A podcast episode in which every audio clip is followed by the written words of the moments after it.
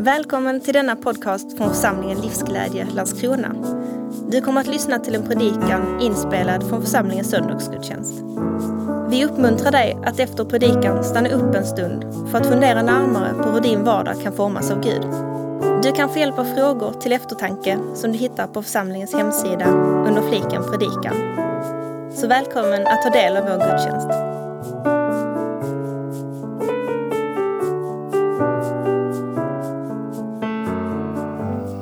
Så här säger Jesus i Matteus evangeliet i 28 kapitlet. Välkända ord. Åt mig har getts all makt i himlen och på jorden. Gå därför ut och gör alla folk till lärjungar. Döp dem i Faderns, Sonens och den helige Andes namn och lär dem att hålla alla de bud jag har gett er. Och jag är med er alla dagar till tidens slut. Idag ska vi stanna upp lite kring det där uppdraget. Uppdraget att leva i relation till den som har all makt i himlen och på jorden, Jesus. Och utifrån det bli medsända honom ut i den här världen för att göra folk till lärjungar. Döpa och lära ut. Och hans närvaro närvarande i våra liv alla dagar. Den här dagen i ditt liv. Den dagen som var igår. Det du har med dig från den här veckan. Och det som ligger framför dig. Någonting som följer med dig genom livet utifrån att du har blivit kallad på, att ta emot honom, leva för honom, beröras av honom. Och när vi läser evangelierna finns det en mängd olika berättelser som beskriver de där livsförvandlande mötena med Jesus som förändrar allt, som drar människor in i ett helt nytt liv. Och din väg till det kanske ser annorlunda ut än vad du känner igen dig i detaljerna i bibeltexterna. Men Jesus möter människor i utsatthet, när de har upplevelsen av att allt hopp är ute och det finns inga vägval kvar för dem. Det är kört. Eller mitt i det som är deras eh, karriär och yrkesliv. Och han kallar och säger kom följ mig. Så ett exempel är ju Matteus evangeliet i fjärde kapitlet när Jesus dyker upp hos några som håller på i efterarbetet av att ha varit ute och fiskat. Och så säger han, kom följ mig. Jag ska göra er till människofiskare. Och så lämnar de det liv de är vana vid för att starta ett nytt liv tillsammans med den Jesus som har kallat på dem. Och ditt uppbrott till det livet eller upptäckandet av den Jesus kanske då har en annan startpunkt än just det. Men de som tror, de börjar definiera sig tidigt som Guds folk ett folk samlat från alla de här olika vägarna av liv. Allt det som kan vara våra olika begränsningar som människor. I vilken familj vi är födda med, vilka förutsättningar vi har med oss, vilket land vi kommer ifrån. Ett gemensamt folk skapas av alla de som börjar tro på Jesus. Och Petrus uttrycker det flera år senare efter att han själv har blivit kallad på det här sättet i ett av sina brev. Ni är ett utvalt släkte. Ni är kungar och präster. Ett heligt folk. Guds eget folk som ska förkunna hans storverk. Han har kallat er från mörkret till sitt underbara ljus.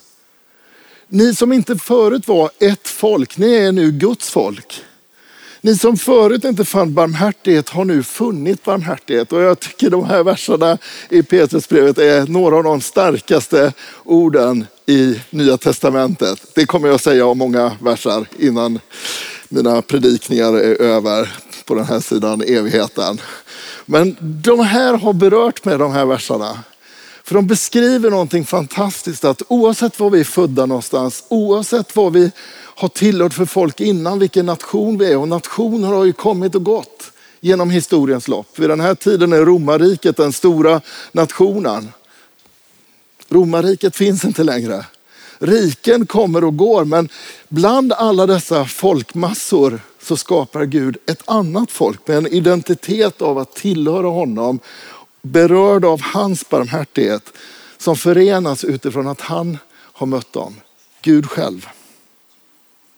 Och den där berättelsen har gått från generation till generation och över nationella gränser. Och här i vår kyrka möts vi från många olika bakgrunder och nationaliteter. Visst är det en fantastisk glimt av det där livet som skapas genom Jesus Kristus. Ditt möte med hans barmhärtighet förändrar både ditt liv och hur du relaterar till livet. Jesus bjuder in dig och mig utifrån sin barmhärtighet att relatera till saker och se på saker med en ny blick. Och vi, i den här tiden är vi sända med samma evangelium för att visa någonting av vem Gud är i den här tiden. Varje tid har haft sina utmaningar. Jag skulle inte vilja leva på romarrikets tid. Tydligen är det någon snackis nu. Hur ofta tänker män på romarriket? Jag har inte läst artiklarna så jag har ingen aning om vad som står i de här. Men tydligen tänker män ofta på romarriket. Och så är det en del som har kontrat och sagt, nej jag tänker mer på andra världskriget. Jag vet inte, känner ni igen er? Att ni går och tänker på romarriket, ni som är män här inne? Eh, osedvanligt ofta. Ja, men olika tider har olika utmaningar med sig. Jag läste en fantastisk text bara häromdagen eh, av den här unge teologen på 30-talet, Dietrich Bonhoeffer, som eh, har blivit drabbad av evangeliet och Guds rike. Och han kliver fram i en ekumenisk konferens på Fanö i Danmark, eh, ute, utanför eh, kusten där västerut vid Skagan. Där kyrkoledare från massor med olika nationer har samlats. Det är på 30-talet och, och, och krigsrykten liksom börjar stegra sig i Europa. Hitler har kommit till makten i Tyskland och, och nationalismen slår på stora trumman i alla nationer och kristna över världen argumenterar för att det är rätt att ta till våld, till och med i anfallskrig, för att försvara nationens heder. Och i Tyskland har det precis stiftats lagar att de kristna personer som ställer sig upp och talar mot nationen och inte böjer sig och svär sin trohetsed till Hitler är landsförrädare. Och här är den här unge tyska teologen som utmanar kyrkorna från hela världen att ta ställning för vad har Kristus gjort för skillnad i våra liv egentligen? Nationer kommer och går. Nationalism och internationalism, det är olika sätt att försöka lösa det mellanmänskliga livet. Men det är inte därifrån vi kommer. Jesus har gjort en skillnad i våra liv. Jag broderar ut texten, han sa det på ett annat sätt. Men han, han, han la vikten vid, berörd av att ha mött människor som valde fredens väg i en tid där alla pratade om krig och makt och ordning genom mer vapen och säkerhet genom vapen. Och han sa, tänk om vi samlade kristna i det här rummet skulle göra ett dekret där vi säger till alla som deltar i våra kyrkor, dödar du en annan människa så är det Kristus du dödar. Om du tar till vapen och går till krig mot en annan nation så kommer du gå till krig mot dem som också är bärare av Jesus. Döda inte Kristus. Starka ord. Varje tid har, har olika utmaningar med sig. Han dör tio år senare i ett koncentrationsläger i den här övertygelsen. Dietrich Bonhoeffer. Häromdagen gick jag på bio. Jag ska inte berätta om hela mitt liv nu, men jag gick på bio här i veckan och såg den här filmen Jesus Revolution som beskriver hur hur någonting händer i ett USA som är delat mellan olika människor. Jag vet inte om, eh, jag, ja, några vet jag, jag har sett filmen här inne. En film som försöker beskriva ett skeende på 60-70-talet i USA. Vietnamkriget pågår. Många unga män har sänts till andra sidan världen och dör i ett krig. Och, och det bubblar på så många områden i det samhället av att slitas isär och, och inte se varandra som delaktiga i det gemensamma livet. Drogkultur, sexuell frigörelse, rasism eh, mellan svarta och vita, där de svarta förtrycks och alla de där krafterna som vi känner igen från inbördeskriget på 1800-talet med att utsätta människor beroende på hudfärg av förtryck. Det spänner och drar i samhället och mitt i det så är det människor som i den här söken efter mål och mening börjar möta Jesus. Och så beskriver det den här lilla kyrkan som öppnar sina dörrar för en del av de här människorna som har börjat söka Jesus. Och hur det spänner och drar för alla är ju en del av det samhället som pågår. Man har sina olika tankar om hur USA ska ställa sig i kriget i Vietnam. Man har kanske olika syn på hur, hur motsättningar mellan olika raser och etniciteter i landet ska äga rum. Och allt det här är man bärare av. Och så plötsligt i den här lilla gudstjänstlokalen så är det snart halvfullt med människor som eh, är i droger eller har kommit ur droger och börjat älska Jesus. Och det spänner och drar och sliter i människor. Kan vi välkomna de här? Vad vill Gud i den här tiden? Och känner vi igen att Gud gör någonting? En eh, vacker film om de här spänningarna och möjligheterna som öppnar sig från den eh, tidiga liksom Jesusrörelsen på 60-70-talet tycker jag. Men den visar mig att varje tid och varje plats har sina utmaningar. Så vad gör det med dig och mig? Att leva med det här uppdraget där vi är i våran tid. Det finns ett eh, institut, SOM-institutet, som gör en årlig rapport om eh, hur svenskar 20 000 personer får svara på den här enkäten, hur de ställer sig till livet i Sverige. Och man pratar om vad som oroar och vad som eh, man känner sig nöjd med. Och, och vilka förtroende och vilken tillitsfaktor som finns i samhället. Och man får ju alltid se sådana här rapporter i ljuset av det som redan har varit.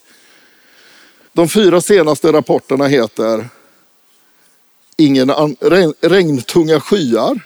Ingen anledning till oro? frågetecken. Du sköra nya värld. Ovisshetens tid. Ja, men ni märker ju vad positiva rapporterna är när man ska beskriva vad som oroar oss.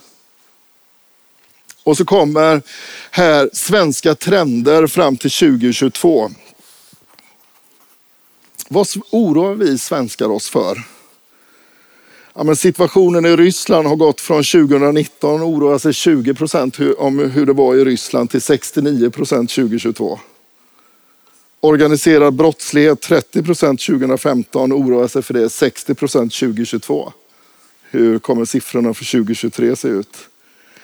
Försvagad demokrati 2012, 20 procent oroar sig för det, 35 procent 2022. Och så kan man titta på olika saker om hur saker och ting har förändrats och man känner igen det utifrån vad som berör oss. Miljö och klimatoro 50 procent ungefär under hela den här perioden. Oroar sig för det. Oro för pandemier har sitt all time high 2019 med 40 procent som oroar sig. 2022 lite lugnare, vi vet hur det funkar nu. 29 procent. Sociala klyftor, försämrad välfärd, runt 30 procent som oroar sig för de här sakerna. Känner du dig igen dig i oron? På vilket sätt då? Och mitt i all den här oron så pågår fortfarande livet som vanligt någonstans. Det är, ett, det är beskrivningar av ett ganska stort förtroende av samhällsinstitutioner som banker, facket, Riksbanken.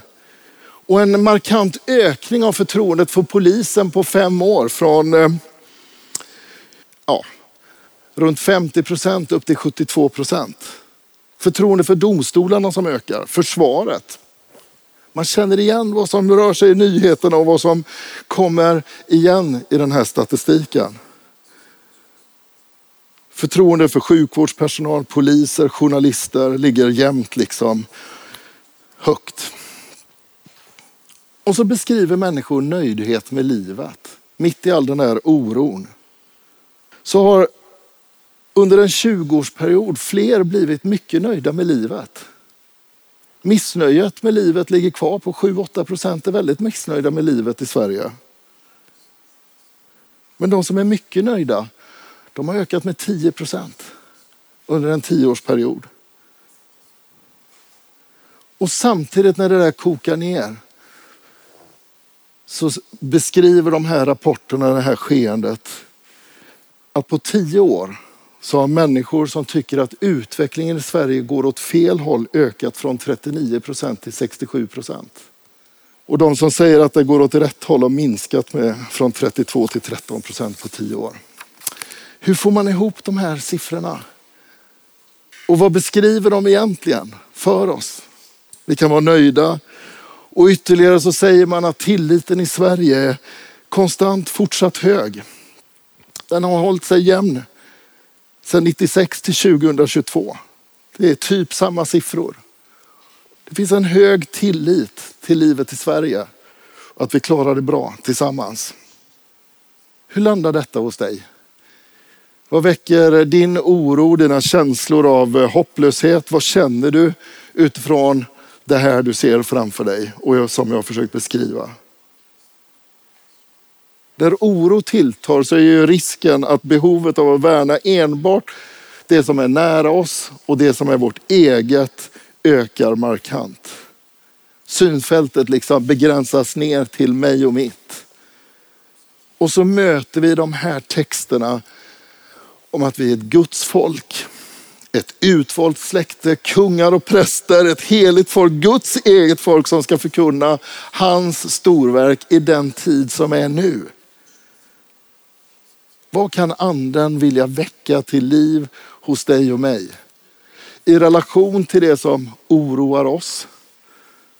Det som vi är en del av, det som spänner och drar i vår egen själ när vi vaknar på morgonen och tänker, vad har det hänt någonting hemskt den här natten? Vad innebär det för dig och mig att ha mött Guds barmhärtighet, funnit den, blivit berörda av den? Vi som inte har mött den tidigare, nu är vi hans folk. Vad innebär det för oss? Jag tänkte ta oss till några texter idag. I gamla testamentet så beskrivs det hur Israels folk har levt med löftet, förhoppningen att Gud ska hålla dem trygga och säkra. Av olika anledningar så har de eh, gått sina egna vägar och det där har fått konsekvenser och nu är de deporterade till Babylon. Nationen som de har varit trygga i är omkullkastad och de känner att allt hopp är eh, ute. Löftena alltså som att Gud skulle välsigna deras liv verkar vara förbi. Situationen är svår och de längtar tillbaka, de längtar hem till det som har gått förlorat. Och den här fångenskapen kommer vara i 70 års tid. Och då finns det profeter som lovar en snabb lösning. Att Gud snart ska lyfta bort alla bekymmer och allt kommer bli bra igen. Och Gud säger, det där är inte sant i Jeremia, det 29 kapitlet. Gud lovar inte några snabba lösningar, men han säger någonting in i den situation de just nu befinner sig i. Hur de ska ta sig an livet i väntan på att det ska vända. Så här står det i Jeremia, det 29 kapitlet, den fjärde versen. Så säger Herren Israels Gud till alla de deporterade som han har fört bort från Jerusalem till Babylonien. Bygg era hus och bo i dem.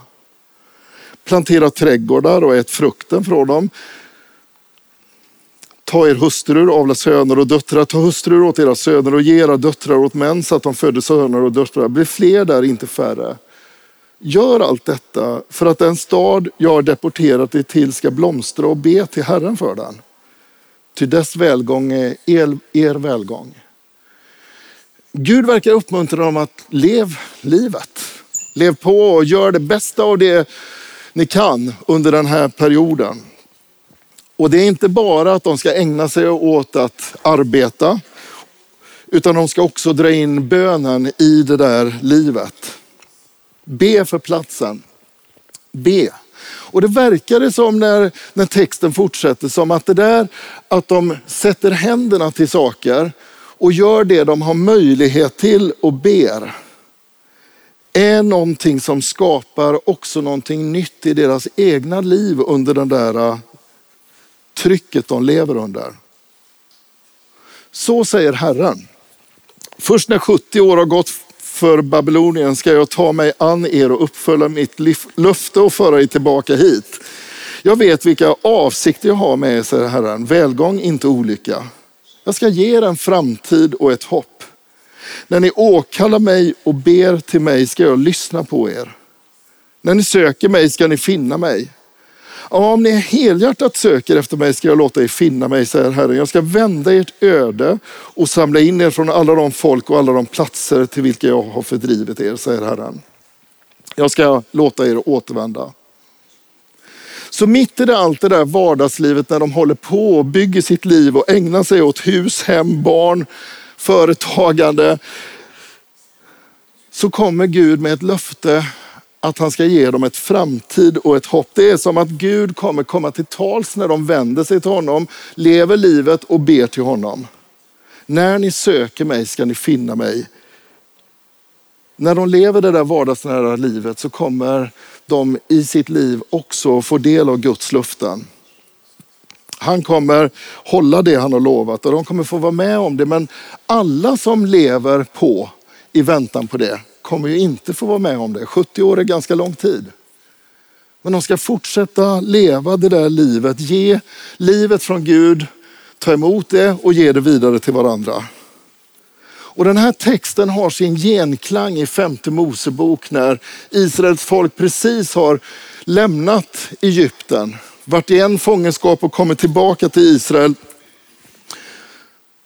När de har levt skingrade så säger Gud, det där kommer hända igen. Ni kommer hamna på platser där ni får tjäna andra gudar som är tillverkade av människohänder. Gudar av trä och sten som varken kan se eller höra, äta eller lukta. Men där skall du söka Herren, din Gud. Och du ska finna honom om du frågar efter honom av hela ditt hjärta och med hela din själ. När du är i nöd och allt detta drabbar dig i kommande dagar, då ska du vända tillbaka till Herren din Gud och lyssna till honom. Ty Herren din Gud är en barmhärtig Gud och han ska inte överge dig eller låta dig gå under. Han glömmer aldrig det förbund han ingick med dina fäder och bekräftat med ed. Jag tänker att de här texterna öppnar upp några tankar för oss att vara människor som när vi lever på livet i den här världen där vi kan ägna oss åt massor med olika saker. Av att arbeta, bygga våra hus, våra hem, leva på det där vardagslivet så är det som att Gud mitt i allt det också vill komma till tals. Att vi lever öppna för honom, bedjande till honom och låter det som är hans liv forma våran blick och våran omsorg. Att inte låta bara den nöden vi ser göra no eh, bli någonting som vi själva försöker lösa utan en nöd som leder oss till Gud. Där vi börjar be och fråga, hur kan vi delta och bygga här utifrån den barmhärtighet som du har visat oss. Och det är det jag ser när Jesus drar in lärjungarna i bönens liv. Så handlar bönen i vår Fader inte bara om att eh, uttrycka sina behov och möta det som jag själv behöver. Att vi ska få mer av det som ger oss mat på bordet. Utan när han undervisar om bön i vår Fader så säger han, öppna dig för Gud. Inneslut honom i allt det som pågår. Ja, mat på bordet är en av sidorna. Att leva i hela relationer är en annan av sidorna. Men framförallt ska livet genomsyras av en blick där vi säger, kom du Gud. Med allt det som är på ditt hjärta in i den här världen. Låt ditt rike komma, låt din vilja ske på jorden så som i himlen. Låt det som är på ditt hjärta beröra och förändra i mitt liv och i den här världen jag är en del av. Be så ska ni få, säger Jesus. Sök så ska ni finna, bulta så ska dörren öppnas. Till den som ber han får och den som söker han finner och för den som bultar skall dörren öppnas. Finns det någon far ibland er som ger sin son en orm när han ber om en fisk eller ger honom en skorpion när han ber om ett ägg? Om nu redan ni som är onda förstår att ge era barn goda gåvor, ska då inte er fader i himlen ge helig ande åt dem som ber honom? När vi står inför det som oroar oss och det som utmanar och det som är både möjligheterna och besvären i våran tid. Så tänker jag att bönerna som Jesus lär oss att be, inte bara sträcker sig till att be om vår egen trygghet, utan be om Guds kraft in i våra liv. Så att han får fylla oss med det som är hans liv, så att vi kan vara med och göra skillnad. Han ger oss inte ett uppdrag att förkunna hans storverk och lämnar oss i vår egen kraft och förmåga. Utan han säger, vänd er till mig så kommer jag ge er det ni mest behöver. Min egen närvaro, den helige ande. Så be och bulta om att du får kraft att delta i det, i det som är din vardag. Och som församling, låt oss fortsätta be och bulta att Gud ska ge oss kraft att vara det där förkunnande folket av vem han är i den här tiden. Vi ber tillsammans. Här är vi Jesus med våra liv. Du vet vad de är fyllda av.